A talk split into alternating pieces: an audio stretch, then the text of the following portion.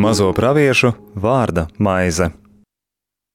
Slavēts Jēzus Kristus. Mūžīgi mūžos slavēts Studijā atkal esam mēs, Stela. un Anžela. Pagājušā reizē nedaudz iepazināmies ar visu šo tēmu, ka šo sezonu runāsim par mazo praviešu grāmatām. Nedaudz pieskārāmies tam, kas tad īsti ir pravietis un kāds ir viņa uzdevums, un sapratām, nu, ka tas nav algots redzētājs, nu, kā to gribēja. Tur priesteris amacīja inkriminēt pravietim Amusam, kad dei tu redzētāju un citur to maizi ēd. Kā sapratām šo praviešu aicinājumu, ka tas nebūtu nav viegls. Pieskārāmies arī tam, ka pravieši ar savu vēsti parasti nāk tos nedrošos un krīzes laikos, kad cilvēki nezina, kam ticēt, ko darīt, ko iesākt. Un nedaudz jau. Palūkojoties Amosa grāmatas virzienā, sapratām, ka dažkārt tas pravietis var atnākt kā tāds dadzis kā nevēlams ciemiņš arī tādos laikos, ka it kā viss ir ļoti labi, ir treknie gadi, un viena daļa cilvēku dzīvo ļoti tauki, labi, viss ir kārtībā, šķietami kārtībā, bet nāk pravietis un parāda šo situāciju Dieva vārda spogulī, kad nekas nav kārtībā, ka ir citi cilvēki, kuri dzīvo nabadzībā, kuri ir apspiestībā. Un pravietis Amos ir viens no tiem, kas ļoti bargi tieši runā tieši par to. Vieniem ir ļoti labi, citi dzīvo nabadzībā. Viņš savā grāmatā runā arī par tādām ļoti mums zināmām un pazīstamām lietām, arī korupciju. Un viņš ir viens no pirmajiem, kas runā par kunga dienu, par viņa tiesas dienu, ka tā nebūs gaismas, bet tumsas diena, un ka mēs to lasīsim, mēs arī sapratīsim, kāpēc viņš tā runā. Bet tagad jau pēc pauzes tuvāk par pašu amasu grāmatu, kas viņš tāds ir, kādā laikā dzīvo un kāda pamatvilcienos ir viņa grāmata un tajā sastopamie simboli. Vārdos un šo tiešo varētu likties ļoti polit, nekorekto un netoleranto valodu mēs sastapsim citiem mazajiem praviešiem, jo tā kā jau iepriekš noskaidrojām, ka viņi nevis garā ir mazi, bet viņu rakstītais teksts ir maza apjoma. Viņi lietas nosauc īstā vārdā un dažkārt runā ļoti nepatīkama, un, jo viņu atklātā patiesība ir bieži vien nepatīkama.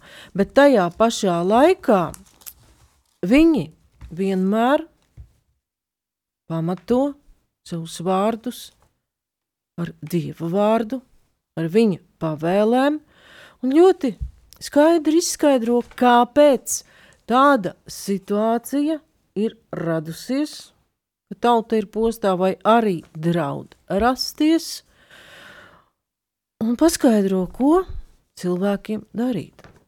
Parasti tas ir ļoti vienkārši atgriezties pie Dieva, un arī pravietis Amos savu grāmatu nepabeidz ar tādu bezcerīgu teikumu, kaut gan viņa paredzējumi un redzējumi ir diezgan briesmīgi, kopā pieci redzējumi viņam ir, viņš arī pārdzīvo par to, kas notiek ar viņu tautu. Jo mēs arī ne tikai pie Amosa, bet arī, piemēram, pie Mihas varam atrast arī citiem praviešiem, ka pravieši sēro par savu tautu. Piemēram, piektā nodaļā Amos, ir Amosa raudu dziesma par Izraela grēkiem. Tad viņi savā ziņā lūdz par tautas grēkiem, it kā nožēlo šos grēkus tautas vietā. Tā tad ieskanas jau kaut kas no Kristus pilnības, kurš pilnībā varēja ņemt pat visu tautu grēkus uz sevi.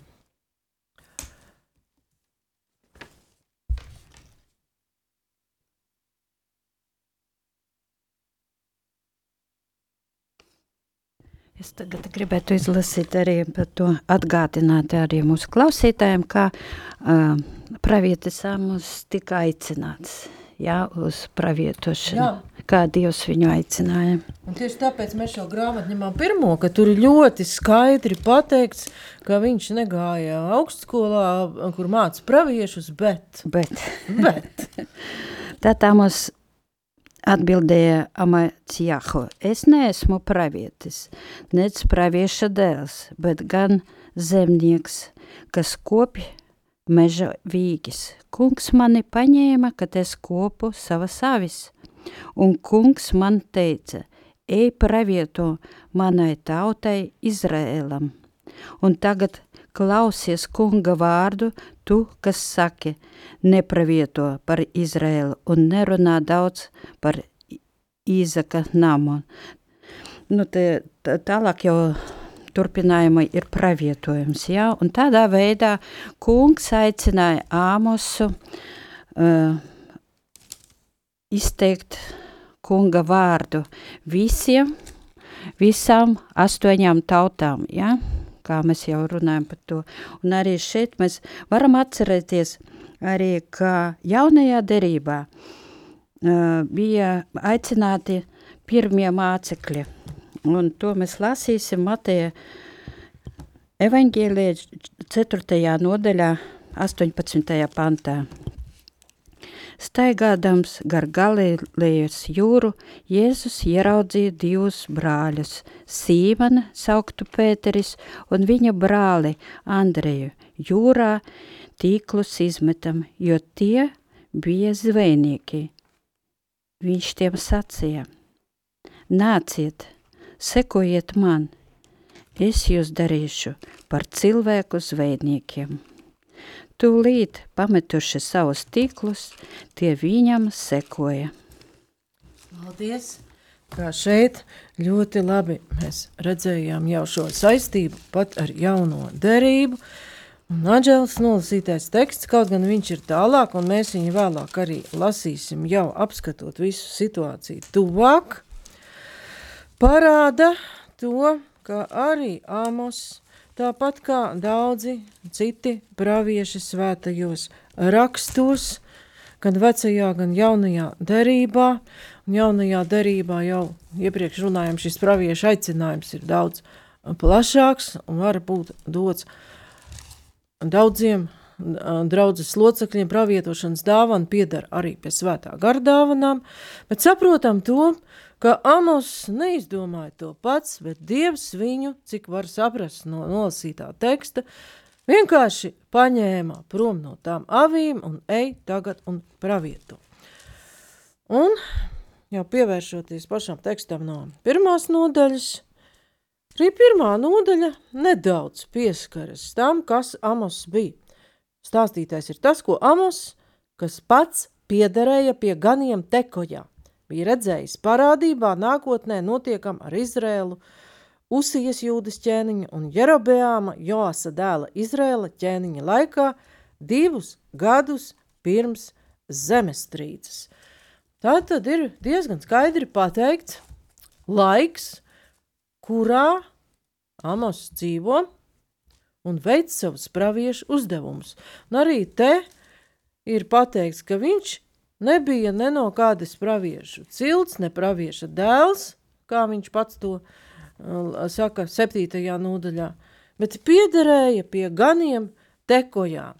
Tekoja pilsētā kādus, ja miests, kādus 19 km no Jeruzalemes. Nu, ir it kā tāda diskusija egziģētiem, kā, kādā veidā uh, piederīgs pie ganiem bija šis pravietis, Tāda nepārliecinošākā versija ir, ka viņš varētu būt bijis liels lopu īpašnieks, bet tomēr lielākā daļa bībeles pētnieku uzskata, ka viņš bija nabadzīgs gans, uz ko norāda arī viņa nodarbošanās ar vīģu, meža vīģu audzēšanu un kopšanu, kas bija masturīgu cilvēku nodarbe.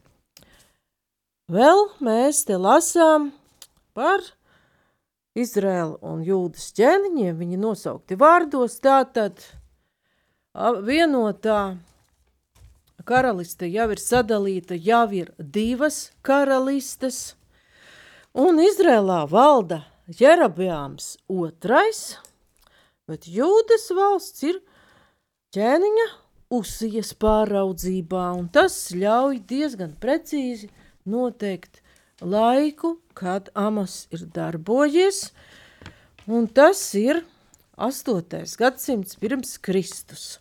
Konkrēti, Jarabeāms II ir valdījis no 786. Dzīvojis pareizāk sakot, 786. līdz 746. gadam pirms Kristus. Un kad tālāk mēs lasīsim Amasa grāmatu, var teikt, ka Izrēlā eh, Jerobeām otrā laiks bija treknie gadi, kā mēs atceramies to premjerministra Kalvīša laiku. Nu, treknie gadi, naudas visiem it kā pietika, tā pašā laikā bija cilvēki, kuriem arī tās nepietika, un kad iestājās krīze, nabadzīgie kļuva vēl daudz nabadzīgāki. Bet Jerabējām laikā viss ir it kā labi, skaisti, turīgie dzīvo ļoti labi, ir krāšņas pilis, viss ir lielā greznībā, bet tālāk mēs redzēsim, ka Amos ar to visu nebūtu nav mierā. Un vēl par Amosu varam piebilst arī pa viņa vārdu. No kā arī varam secināt, ka viņam šis praviešu pienākums nebūtu nebija viegls. Amos nozīmē pacelt, nest nastu. Tad viņš nesa šo nastu kunga vēsti Izraēļa tautai. Arī šeit, kad mēs lasām par zemestrīci, pirms divus gadus pirms zemestrīces, par to zemestrīci mēs arī varētu lasīt Zaharija grāmatām. Mm. To dienu viņa kājas stāvēs Olivkalnā, kas no Jeruzalemes uz austrumiem, un Olivkalns šķelsies uz pusēm, no austrumiem uz rietumiem, varen plaša ielējā. Puse kalna zvelsies uz ziemeļiem, un otra puse uz dienvidiem. Tad jūs beigsiet cauri ielējai kalnos, jo ielēju abās pusēs skaus kalni kā bēgāt no zemestrīces jūdas ķēniņa uzīs dienās, tad nāks mans Dievs kungs un visi viņa svētie ar tevi. Paldies! Un ir bībeles pētnieki, kas šo zemestrīci saista ar konkrētu uzsīs rīcību. Nu, ķēniņš uzsīs ir minēts otrajā laiku grāmatā, no 20, jau 26. nodaļā. Lasām, kad visa jūdas tauta izraudzīja Usiju, lai gan viņam tolaik bija tikai 16 gadu, un viņi to cēla par ķēniņu viņa tēva amacis vietā. Nu, tālāk, ja mēs lasītu tieši šo otro laika grāmatas 26. nodaļu, mēs redzētu, ka Usija bija sekmīgs, rosīgs valdnieks, rūpējās par zemes labklājību, nu, un pat bija sekmīgs cīņā pret filistiešiem un pret arābiem, un pret mehuniešiem, bet šeit 26,7 ir par šīm mūsejas militārajām uzvarām, tur ir būtiski īs viens teikums, un Dievs viņam palīdzēja cīņā pret filistiešiem un pret arābiem. Nu, un astotais pants jau liecina, ka arī amonieši deva uzsijam meslus, un viņa slava izplatījās līdz Ēģiptes robežām, jo viņš bija kļuvis ļoti varants. Un tā tad divi vareni ķēniņi līdzās Jerobējāms otrais un Usija, nu, un tālāk nu, var secināt, ka Jerobējāms otrais, vēsturnieki to secinājuši, ir drusciņi, nu, to Usiju tā piespiedis un mazliet kļuvis varanāks uz Usijas rēķina. Bet kas tad notika tālāk? Usija kļuva lepns.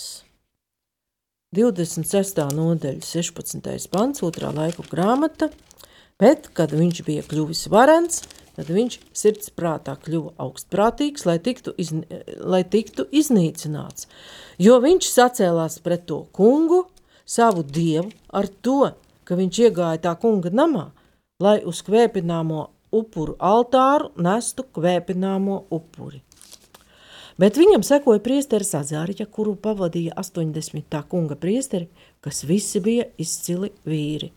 Un tie nostājās pret ķēniņa usī un sacīja viņam, tas tev usīja, neklājas, nes tam kungam kvēpināmo upuri, bet gan tikai priesteriem, Ārona dēliem, kas ir iesvētīti, viņiem pienākas nest kvēpināmo upuri. Atstāja svēto vietu, jo tu esi izdarījis pārkāpumu, un ar to tu neesi sev ieguvis pagodinājumu Dieva tā kunga priekšā. Nu, tālāk uzsīja par šiem vārdiem apskaišas un kļūst spitālīgs. Bet, kā jau minēju, ir pētnieki, kas saista šo notikumu arī ar šo zemestrīci, ka pati daba atsaucas uz uzsīs pārkāpumu, notiek šī zemestrīce, par kuru mums lasīja Anžela. Arī eh, šeit jau amasa grāmatā mēs eh, varam lasīt vēstījumu jūdei, ja, ka, ko, eh, ko pravieto, pravietis Amos, tā saka kungs, trīs grēki jūdei vai četri, es neatlaidīšu, jo tie atmeta kunga bauslību. Viņa likumus neturēja, viņu, viņus pavedināja tie dievekļi, kuriem staigāja pakaļ jau viņu tēvi es uz, uh, uzsūtīšu uguni jūdai, un tā aprīts Jeruzalemes nocietinājums. Paldies! Un šeit mēs redzam, ko, un jau pieejam klāt Amosa grāmatas pašam tekstam, ka viņš ir spiests vēstīt par dieva dusmām, ne tikai pret tām pagānu tautām. Ja mēs tur redzam veselu pulciņu pagānu tautas, tur mēs redzam Damasku minētu, Tīru minētu, tur ēdams minēts, bet ka šajā sarakstā pie tautām, kuras ir smagi grēkojušas pret Dievu, Amos pieskaita arī Jūdu un Izrēlu. Vēl varam nedaudz pieskarties grāmatas struktūrai un atsevišķām tādām nozīmīgām detaļām. Vispirms jau lasām par šo soda vēsti septiņām Izraēla kaimiņu valstīm, un kā jau teicu, arī pats Izraels un Jūda, viņiem tiek paredzēts šis sots. Vēl būtiski ir, ka tauta ir aicināta klausīties trīs reizes – Amos aicina tautu klausieties. Trešā nodaļā, pirmā pantā, klausieties, ko tas kungs saka jums, Izraēla bērni, visām ciltīm, ko es esmu izvedis no Eģiptes zemes. Tātad Dievs ar praviešu muti grib šos Izraēla bērnus kaut kā dabūt pie prāta, lai viņi atgriežas un sāk staigāt kunga ceļus. tas pats aicinājums klausīties. 4, 1. Uzklaisa, un šeit jau um, Amos ir bargs, varētu teikt, pat rupišs. Uzklausiet šo vārdu, jūs basanas govis, kas jūs esat Samarijas kalnā, un nodarāt pāri trūcīgiem, nomācat nabagos un sakat pastāvīgi saviem vīriem, dodiet šurpu, lai varat dzīvot. Tad te uh, aicinājums klausīties ir jau tāds uh, pravieša klieciens, bet mēs vēsturē redzam, ka netiks sadzirdēts. Un piektais Piektā nodaļa, pirmais pants, ar ko sākas raudu dziesma par Izraēlu grēkiem. Uzklausiet, Izraēļa nama ļaudis, šos vārdus, jo man tie jums jāceļ priekšā, kā raudu dziesma par jums. Klausieties, uzklausiet. Ar to mēs jau to daudzreiz esam runājuši. Bībelē nav domāta vienkārši tāda fiziska dzirdēšana bet vārda sludinātā, pravieša sludinātā vārda uzņemšana, sagremošana, jo ievad raidījumā runājām arī par vārdu ēšanu, sagremošanu, un tādu sagremošanu, kam seko darbi. Bet, acīm redzot, gan Izraēļa, gan Jūdas tauta praviešu vārdus, nu, fiziski dzirdēja, bet laida gar ausīm. Un ka šī dzirdēšana ir ļoti nozīmīga, mēs par to varam lasīt arī jaunajā derībā, jo tur pie Pāvila bija, ja es nekļūdos, ka ticība rodas no dzirdēšanas. Un vēl atklāsmes grāmatā ir, kam ir ausis tas, lai dzird, ko gars saka draudzēm.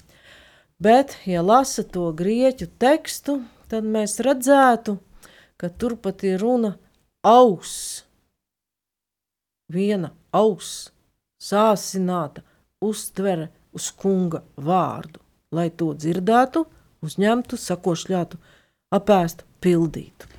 Un arī šeit es vēl gribētu izlasīt no Pāvila vēstules romiešiem no 12. panta, ka mēs ai, ai, esam aicināti neatbildēt, neatbildēt ar ļaunumu pret ļaunumu. Mīļotie, Neatriebieties paši, bet ļaujiet nākt Dieva dusmībai, kā rakstīts, man pieder atriepšana, es atmaksāšu, saka kungs, bet ja tavs ienaidnieks izsalcis, paēdini viņu, un ja izslāpis, dot viņam dzert, tā darīdams, tu sakrāsi kvelojošas ogles uz viņa galvas. Neļauj ļaunamam sevi uzvarēt, bet uzvari ļaunu ar labu. Paldies! Šeit eh, šis jaunās darības teksts jau iet tālāk. Un atbild uz jautājumu, ko iesākt, ja tas ļaunums ir klāt un sēž uz kakla. Un arī pravieša aicinājumā mēs klausīties, un arī viņa smagajos vārdos mēs varam redzēt, ka notiek šī dieva tiesa.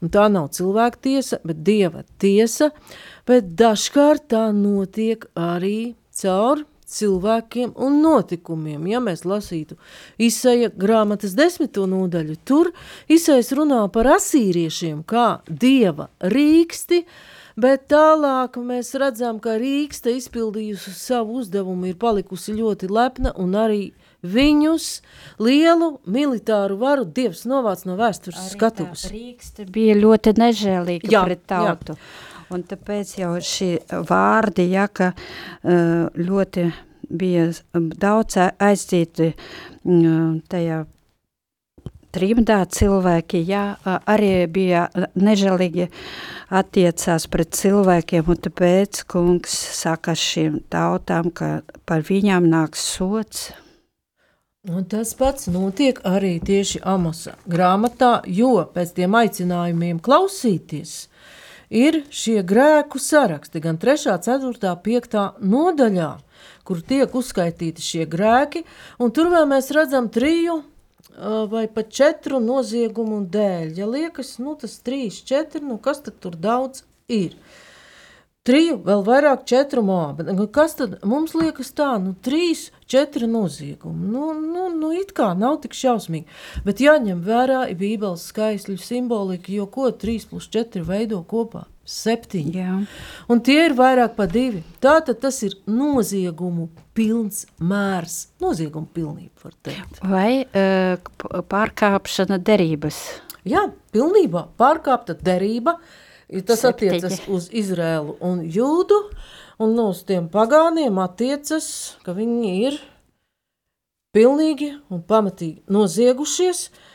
Un, kad mēs sāksim nākamreiz lasīt jau tieši pirmo nodaļu, redzēsim, ka arī šo, kā piemēram, Damaskas noziegumi ir, ka viņi kūluši Gileāda ar dzelzs kuļamiem rīkiem, tā tad tur bija nežēlīga iekarošana un cilvēku slepkavošana. Tātad mēs pat apskatīsim, kāda veida šie noziegumi ir.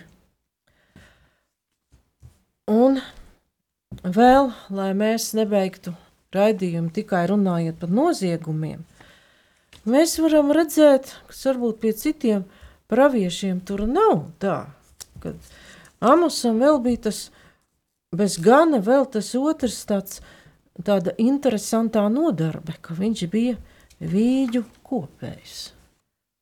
Un vīģes Bībelē mēs redzam pieminētas diezgan daudzas reizes saistītas ar gudrību, dziedināšanu, labklājību, dieva svētību un dzīvot zem vīģes un vīna koka. Miha četri, četri tādu lietu piemina.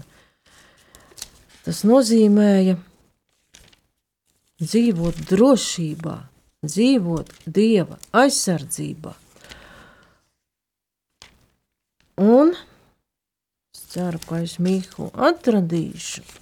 Jo viņš tur ir minēts, ka šī dzīvošana zem sēdēšana zem vīna un vīģu kokiem, ka tad tauta ir drošībā.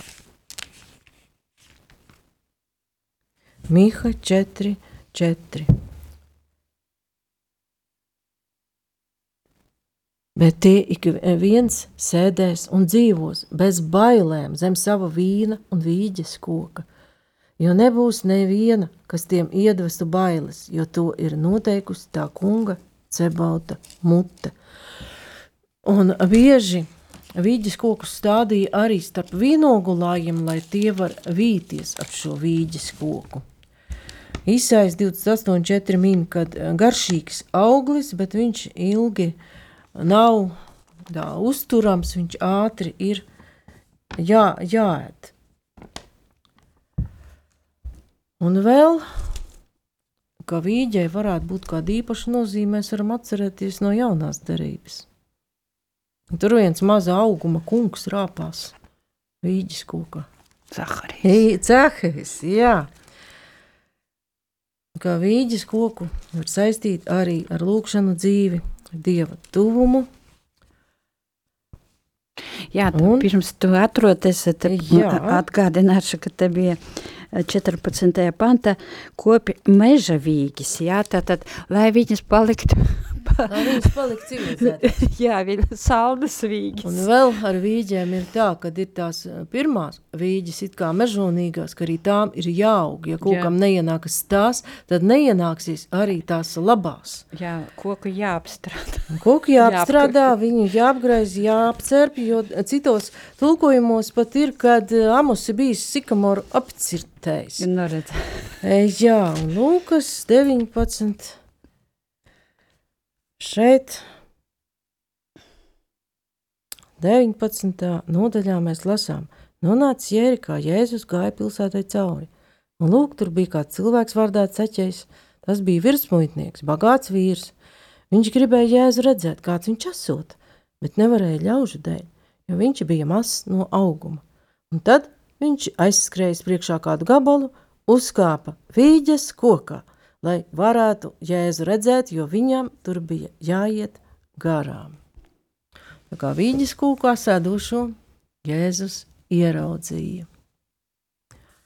Un kāpēc tieši šis vīģes koks Šādā kontekstā ir nozīmīgs to, kādu reizi varētu arī papētīt tuvāk, varbūt pat tajā septītā nodaļā, jo iespējams, ka šī koka simbolika ir vēl dziļāka. Kāpēc zaķējs tieši uzkāpis vīģis kokā? Jēzu varēja ieraudzīt. Vīģis kokam paši tie vainagi un lapotni bija tādi ļoti blīvi, tā kā tāds pārsaksts, kā lietussargs izskatījās. Kā atrasties zem viņa bija ērti un labi. Ceļš uzņem šo uzdevumu, tomēr kāpt tajā kokā augšā, lai redzētu šo ganu, tas ir labais gans, tā tad jau tālu pārsniedz gana amosa funkcijas. Bet tieši par amosa grāmatu, par nodaļām mēs sāksim runāt nākamajā reizē un tuvāk. Skatīsimies, kas tās bija par tautām, kādus noziegumus tās bija izdarījušas, un arī kādi bija šie jūdas un izraela grēki, par kuriem viņiem daudēja tiesas diena. Bet šodien paldies par uzmanību. Studijā bija Stela un Anģela. Izskanēja raidījums Mazo praviešu vārda maize.